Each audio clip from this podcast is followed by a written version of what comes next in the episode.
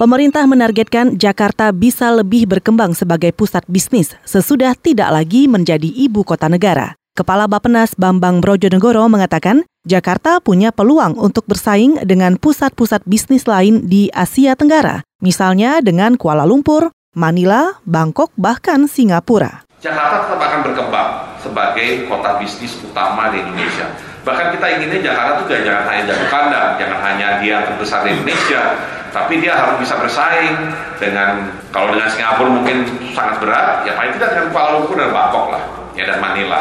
Jangan sampai kualitas Jakarta sebagai kota bisnis itu kalah sama Kuala Lumpur, Bangkok atau Manila. Jakarta harus level atau bahkan lebih baik. Kepala Bappenas Bambang Brojonegoro juga menambahkan, Jakarta akan terus menjadi motor penggerak perekonomian di Indonesia. Selain itu, pemindahan ibu kota negara juga bisa mendorong perkembangan ekonomi di wilayah lain di luar Jawa.